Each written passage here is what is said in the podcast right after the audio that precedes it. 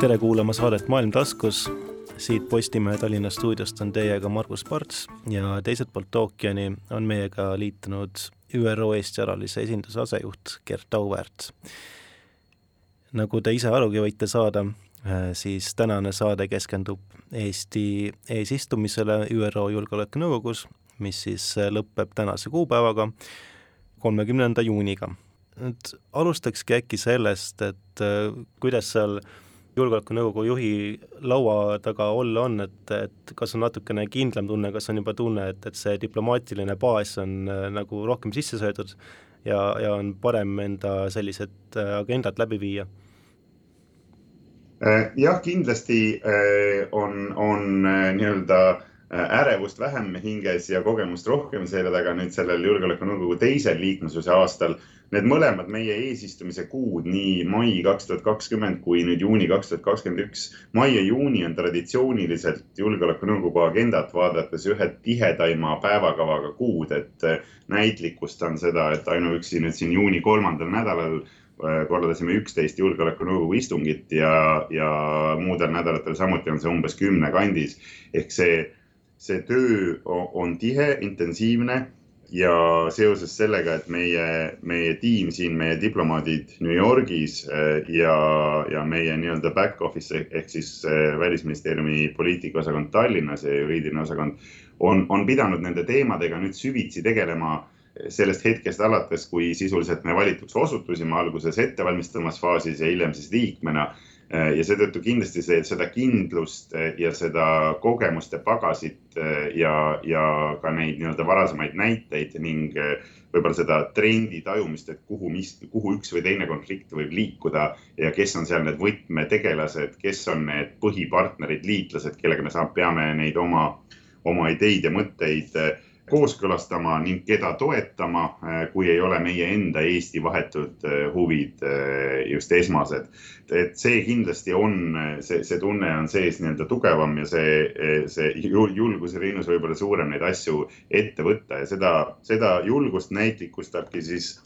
meie, meie ambitsiooni kasvatamine ja uute vastutuste võtmine, oleme siis võtnud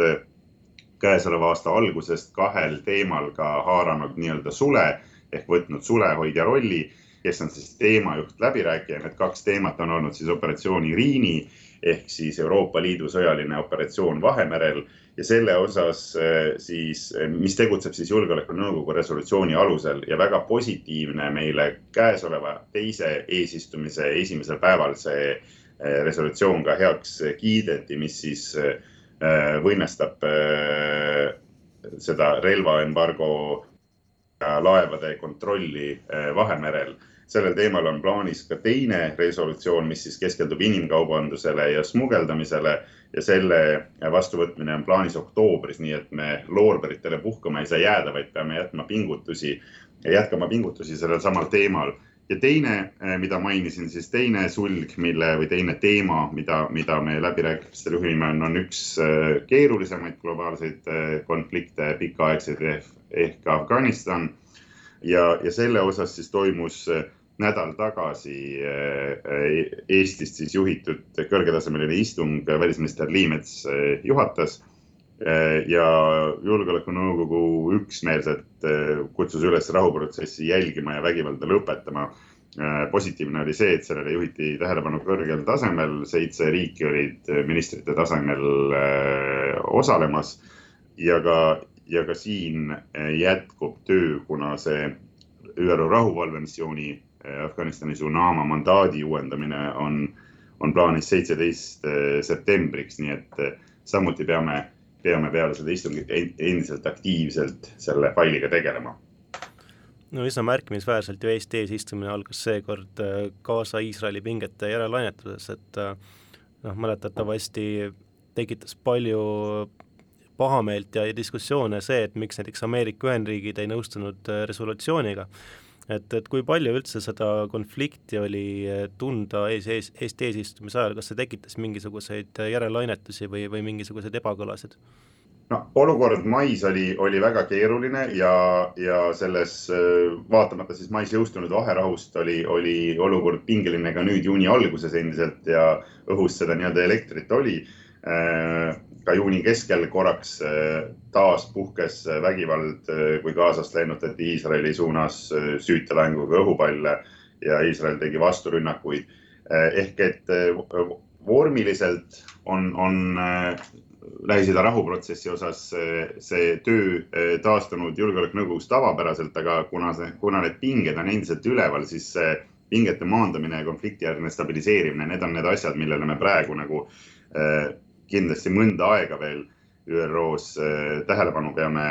peame pöörama. mida siis me ise praktikas saame teha, on, on toetada, võimestada Lähis, ÜRO Lähis-Ida eriesindajat Thor Venneslandi, et millega ta siis hetkel peamiselt keskendub, on Iisraeli uue valitsuse ja Palestiina omavalitsuse vahelise praktilise koostöö edendamisel, et seal on mitmeid, mitmeid aspekte nagu need Covidi vaktsiinid,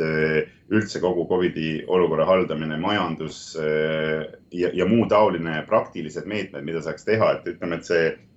see, kui, kui, kui küsida selle rahuprotsessi ise, enda kohta, siis see tänases vaates on kaugem asi. praegu hetkel on, on olulisim selles Lähis-Ida vaates just, et seda toimunud eskalatsiooni ohjeldatakse ja, ja püsitakse nii-öelda rahu juures ja leitakse neid praktilisi samme, neid praktilisi meetmeid nagu vaktsiinide tarne ja nii edasi, mida saab täna, täna ja nüüd teha no kuna vaktsiinid juba jutuks tulid, siis äkki jätkame natukene sellel suunal, et, et kui palju üldse on vaktsiinide teema niimoodi üldiselt Julgeolekunõukogu laual, et kas seda vaadatakse ikkagi julgeoleku küsimusena? ma vastaks sellele nii, et otseselt julgeoleku küsimuseks seda ei ole defineeritud äh, Covid üheksateist, siis äh, pigem on niimoodi, et, et Julgeolekunõukogu on hinnanud, et see viiruse levimine võib mõjutada tugevalt humanitaarolukorda kõigis nendes konfliktikolletes ja kui mitmed need riigid on konflikti järgselt võtnud nii-öelda tugevaid äh, samme positiivsuse suunas, siis need on nüüd tänaseks kas seiskunud või, või sammu tagasi astunud ja see on nii-öelda murettekitav Julgeolekunõukogu ja ÜRO vaatest laiemalt. aga, aga muus osas kogu see Covid-19 temaatika hetkel siis täna võrreldes eelmise aastaga äh, võib öelda, et see on rohkem nagu rohkem nagu sulandunud teiste valdkondade sisse, ta ei ole hetkel nii-öelda eraldiseisva teemana laual, et noh, näitena eelmisel kuul Hiina eesistumise ajal oli see, oli istung kõrgetasemeline äh, Aafrikale suunatud areng, arengukoostöö teemaline arutelu. Ja seal oli ka tugevalt see äh, vaktsiinide jaotus ja, ja et kuidas see peab toimuma võrdselt ja, ja need teemad nagu tugevalt sisse pikitud. Ehk, ehk rohkem me näeme seda, et, et teda praegu nagu praktiliselt igas sõnavõtus, mis puudutab või igas briifingus, mis meile antakse istungitel, kus, kuidas siis selles või tolles konkreetses konflikti piirkonnas olukord on, kui see eriesindaja sealt koha pealt briifib julgeolekunõukogu, siis alati üheks teemaks seal sees on Covid, eh, selle mõju, vaktsiinid nii missiooni enda vaatest kui olukord koha peal. Ta on nagu kõikjal sees, aga niimoodi päris, päris eraldi istung oli viimati veebruaris eh, sellel teemal ja siis võeti Julgeolekunõukogus ühehäälselt vastu resolutsioon ja selle eesmärgiks oli siis tagada vaktsiinide tarne ka konfliktipiirkondadesse. et eh, selline see olukord selles, selles valdkonnas hetkel siin on jah, paratamatult see olukord puudutab, puudutab kõiki terves maailmas, et, et seda ei saa vältida. aga võib-olla kõige värskemad muljed siis noh, tänase seisuga, et me salvestame saadet kolmekümnendal juunil ja alles eile ju tegelikult toimus Eesti korraldatud kõrgetasemeline küberistung, et mis oli ajaloos lausa esimene küberjulgeolekule pühendatud ametlik kohtumine Julgeolekunõukogus. et äh, kuidas sellest muljed on, kas, kas tundub, et Eesti täidab oma eesmärki tuua küberteemad jõulisemalt lauale? jah, vastab tõele, Eesti eile äh, peaminister Kaja Kallase juhtimisel äh, küberjulgeoleku teemalise äh, julgeolekunõukogu istungi. see, see istung oli ajalooline, võiks öelda, et epohhi loov lausa,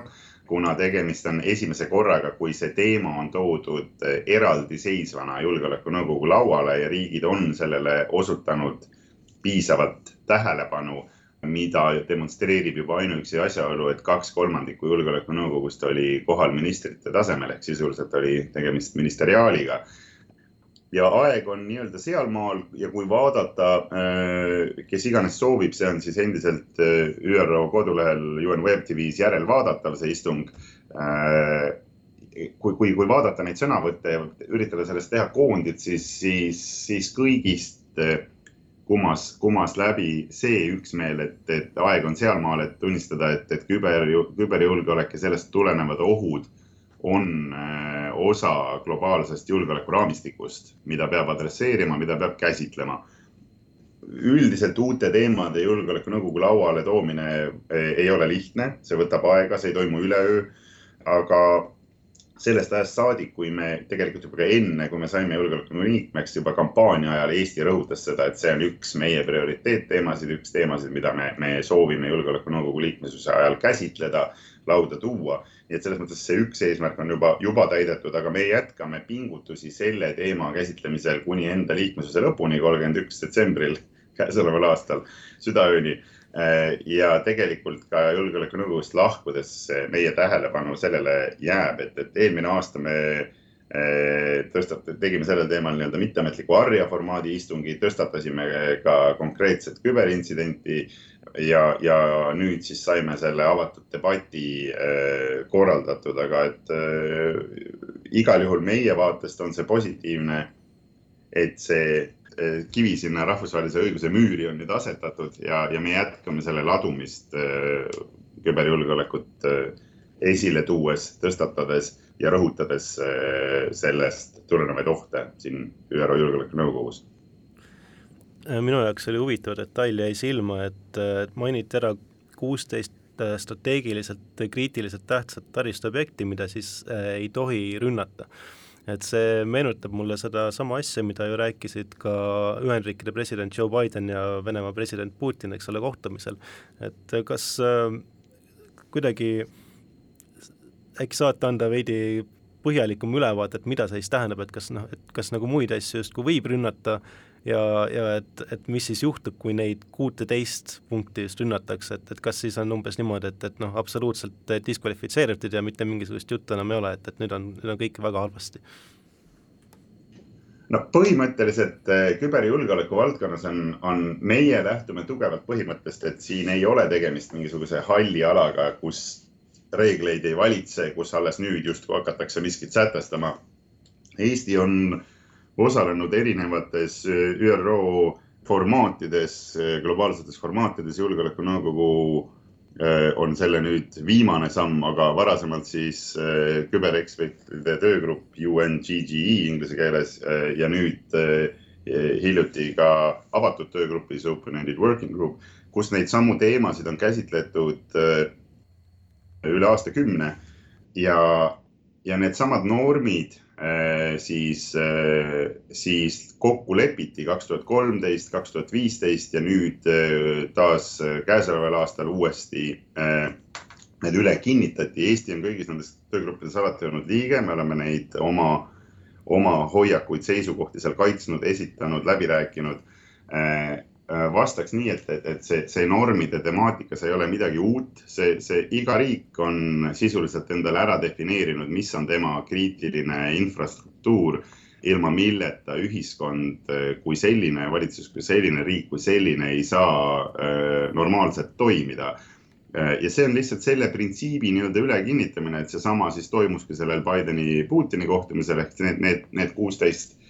asja, mis seal lauda toodi, need ei ole uued asjad, vaid see on, on pikka aega juba äh, nii-öelda normina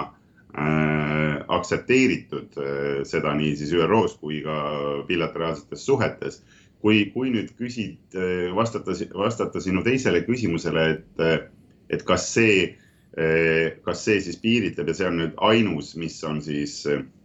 nii-öelda tabu või keelatud, siis vastus on ei ja tulen tagasi enda vastuse alguse juurde, et, et rahvusvaheline õigus, rahvusvaheline humanitaarõigus eh, ja kogu muu reeglistik kehtib samamoodi nii füüsilises kui küberruumis. Eh, seetõttu sarnaselt need, need teod, mis on nii-öelda kriminaliseeritud, keelatud,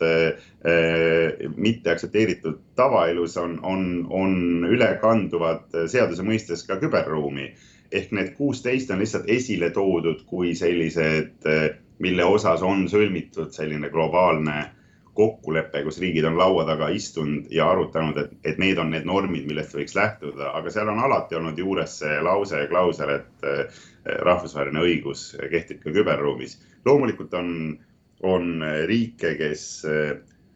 rõhutavad eesotsas siis Hiina ja Venemaaga, eh, et et seda tuleb veel pikalt arutada, täpsustada, selgitada, kuidas täpselt rahvusvaheline õigus kehtib küberruumis ja need arutelud siin ÜRO-s toimuvad, me sellesse panustame, me seda jätkame, aga me, me jätkame ka selle, selle põhimõtte nii-öelda kivisse raiumist, et mingit halli ala või sellist nii-öelda reegliteta metsikut läänt küberruumis ei ole olnud ega ole ka praegu. reeglid siiski kehtivad no tegelikult Eesti eesistumise lõppu mahtus ju ka president Kersti Kaljulaidi juhtimisel peetud avalik istung lastekaitsest relvakonfliktidest ja ühtlasi nimetati president ka naiste ja laste õiguste eeskõnelejaks, et äh, kas Eestil on endal mingisugused kindlad äh, fookuspunktid, ütleme, konfliktitsoonide või, või pingekollete näol, et millele siis just keskendutakse või siis äh, on see pigem selline üldine positsioon alustaks sellest, et meil on ääretult hea meel, et riigipea visiit siia toimus. aasta aega oleme siin olnud nagu peaaegu et blokaadis, ühtegi visiiti ei ole sisse tulnud, et see siiski näitab midagi olukorra paranemisest eh, nii-öelda pandeemia rindel, et, et, et mingisugused eh, nii-öelda reisimised on, on juba nagu normaliseerumas eh, see teemavaldkond, mida siis riigipea juhatas ehk lapsed relvakonfliktis eh, on olnud Eesti prioriteet ÜRO-s nii siin New Yorgis kui Genfis aastakümneid, alates ÜRO liikmeks saamisest. see on olnud üks meie esmaseid prioriteetteemasid ja, ja globaalselt seda, seda tajutakse, adutakse kui, kui, kui valdkonda, kus on võimalik midagi ära teha, millele on vaja tähelepanu juhtida, millele on vaja keskenduda. nüüd see konkreetne istung, mis Eh, mis toimus üleeile. Eh, selle istungiga me soovisime rõhutada inimõiguste lahutamatut seost eh, ja seotust rahu ja julgeoleku ja seda kõike siis nii-öelda konflikti ennetuse aspektist. ja, ja see on olnud läbivalt meie prioriteediks nii ÜRO-s laiemalt kui Julgeolekunõukogus ja eesmärk oli mark markeerida aasta jooksul lastevastaste rikkumiste osas toimunu. põhimõtteliselt see arutelu toimus äh, siis äh, peasekretäri kaks tuhat kakskümmend aasta raporti alusel, äh, mis oli eriliselt positiivne ja mida ei ole toimunud pea kolm-neli, isegi viis aastat, on see, et peasekretär ise austas meid oma kohaloluga, ise tutvustas oma raportit ja selgitas, mis taas näitab selle konkreetse teema prioriteetsust, olulisust. Ja millele siis meie keskendusime Eesti istungil oli peamiselt siis äh, Covid-19 mõju äh, lastekaitses ja lastekaitse ja äh, kui, kui teema kõigis Julgeolekunõukogu failides läbivalt, et see kajastuks. et mida see Covid on siis peamiselt mõjutanud paljudes konfliktipiirkondades samamoodi toimus nagu ka Eestis äh, nagu ka siin New Yorgi, need nii-öelda lockdown'id, kui linn pandi sisuliselt kinni, kinni pandi ka koolid. Nende raportite pinnalt, kui neid lugeda,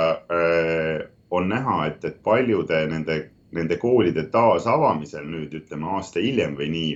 väga suur hulk neid lapsi ei ole saanud jätkata oma haridusteed. Äh, on, on riike, kus on nad läinud äh, kas siis puhtalt äh, vaesuse tõttu või sundabielud või, või mis muud iganes põhjused, mis on siis katkestanud nendel koolitee ja, ja see, see juba iseeneseslikult nii-öelda nagu, kui mõelda sellesama ühiskonna hilisemale jätkusuutlikkusele on, on väga negatiivne trend ja seal on mitmeid setmeid muid asju, äh, kasvõi ainult äh, humanitaarabi viimise keerukus nendes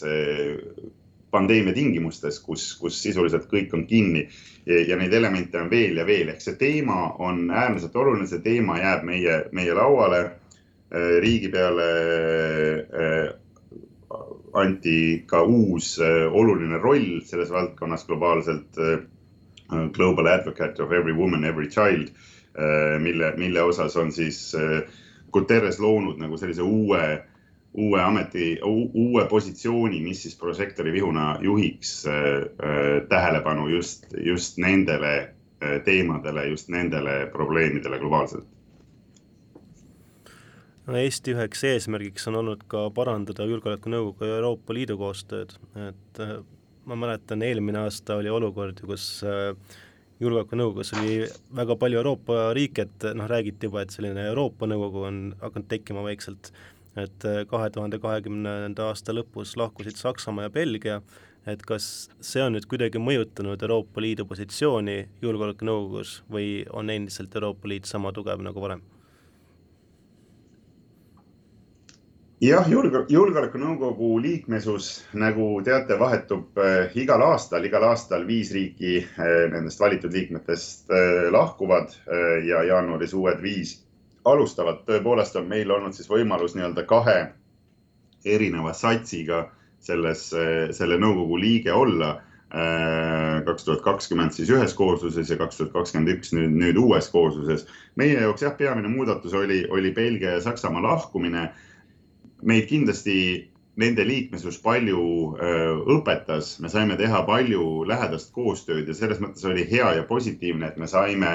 e, et see selline, kes on olnud aasta ja kes on teist aastat, seal on, seal on võimalik nagu see kogemuse vahe on lihtsalt puht füüsiliselt, puht praktiliselt äh, näha, kui, kui, kui sa oled pidanud neid samu teemasid käsitlema detailselt kaksteist kuud järjest, sa räägid sellel teemal enesekindlamal häälel ja, ja, ja ka taust eh, on, on suurem. Eh, mis see vahetus siis meile tõi, on, et eh, asemele tulid Norra ja Iiri. Iiri siis samamoodi jätkab, aitab meid kõigi nende Euroopa Liidu huvide kaitsmisel ja ühtlasi siis ka igakuiselt Euroopa Liidu briifimisel rotatsiooni korras me siis seda siin, need kolm praegust Euroopa Liidu liiget, Prantsusmaa, Eesti ja Iiri teeme ja Norraga on meil ju väga lähedased suhted, äh, seda nii nii-öelda Põhja-Balti formaadis kui, kui, kui NATO formaadis, nii et, et selline tegelikult positiivne lähedane koostöö nende äh, liitlastega jätkub lihtsalt mõnedes asjades veidi erineva rakursi alt. aga Euroopa Liit ÜRO laiemalt, nii eelmisel aastal oli meil võimalik korraldada oma eesistumise ajal Euroopa Liidu ÜRO koostöö teemaline istung, kui ka nüüd juunis eh, meie eesistumise ajal selline arutelu toimus. kõrge esindaja Josep Borrell sellel eh, osales, eh, andis nii-öelda ülevaate tema nägemusest ja riigid said siis seda kommenteerida. Neid, neid, neid kohti on mitmeid en,. ennist kõnelesin sellest samast operatsioon Iriini Euroopa Liidu sõjalisest operatsioonist, aga, aga neid on mitmeid veel, väga palju on siis ka, mida siis humanitaarvaldkonnas Euroopa Liit ja, ja ÜRO koos teevad erinevates konfliktipiirkondades ja väga mitmed konfliktid on Euroopa vaatest väga äh, olulised. meie kindlasti oleme sama jõudsalt hoidnud päevakorras meie enda regiooni ja julgeoleku äh, teemasid. oleme korduvalt tõstatanud olukorda Valgevenes, Ukrainas ja seda siis ühiselt meie Euroopa ja Atlandi-üleste liitlastega. Nii et kui nüüd vaadata, et selle aasta alguses tuli juurde mitu Aasia ja Aafrika riiki, mis justkui siis kallutavad selle nii-öelda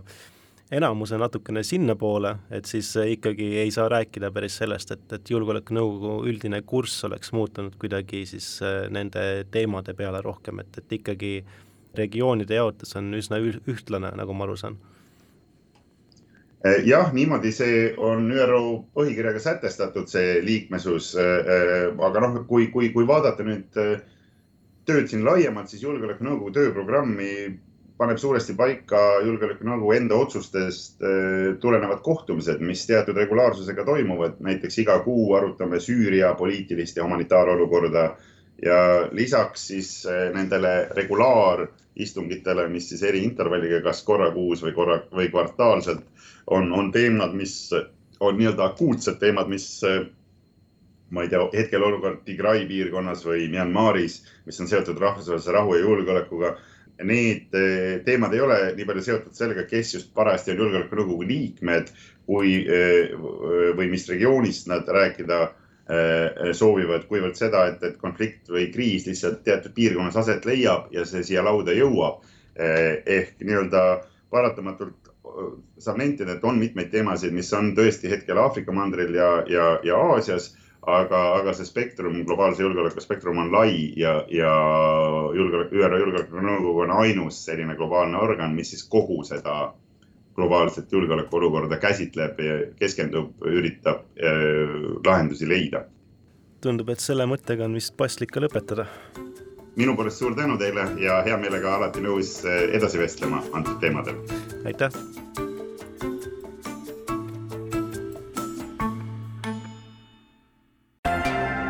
kogu saade on kuulatav Postimehe digipaketi tellijatele veebilehel podcast.postimees.ee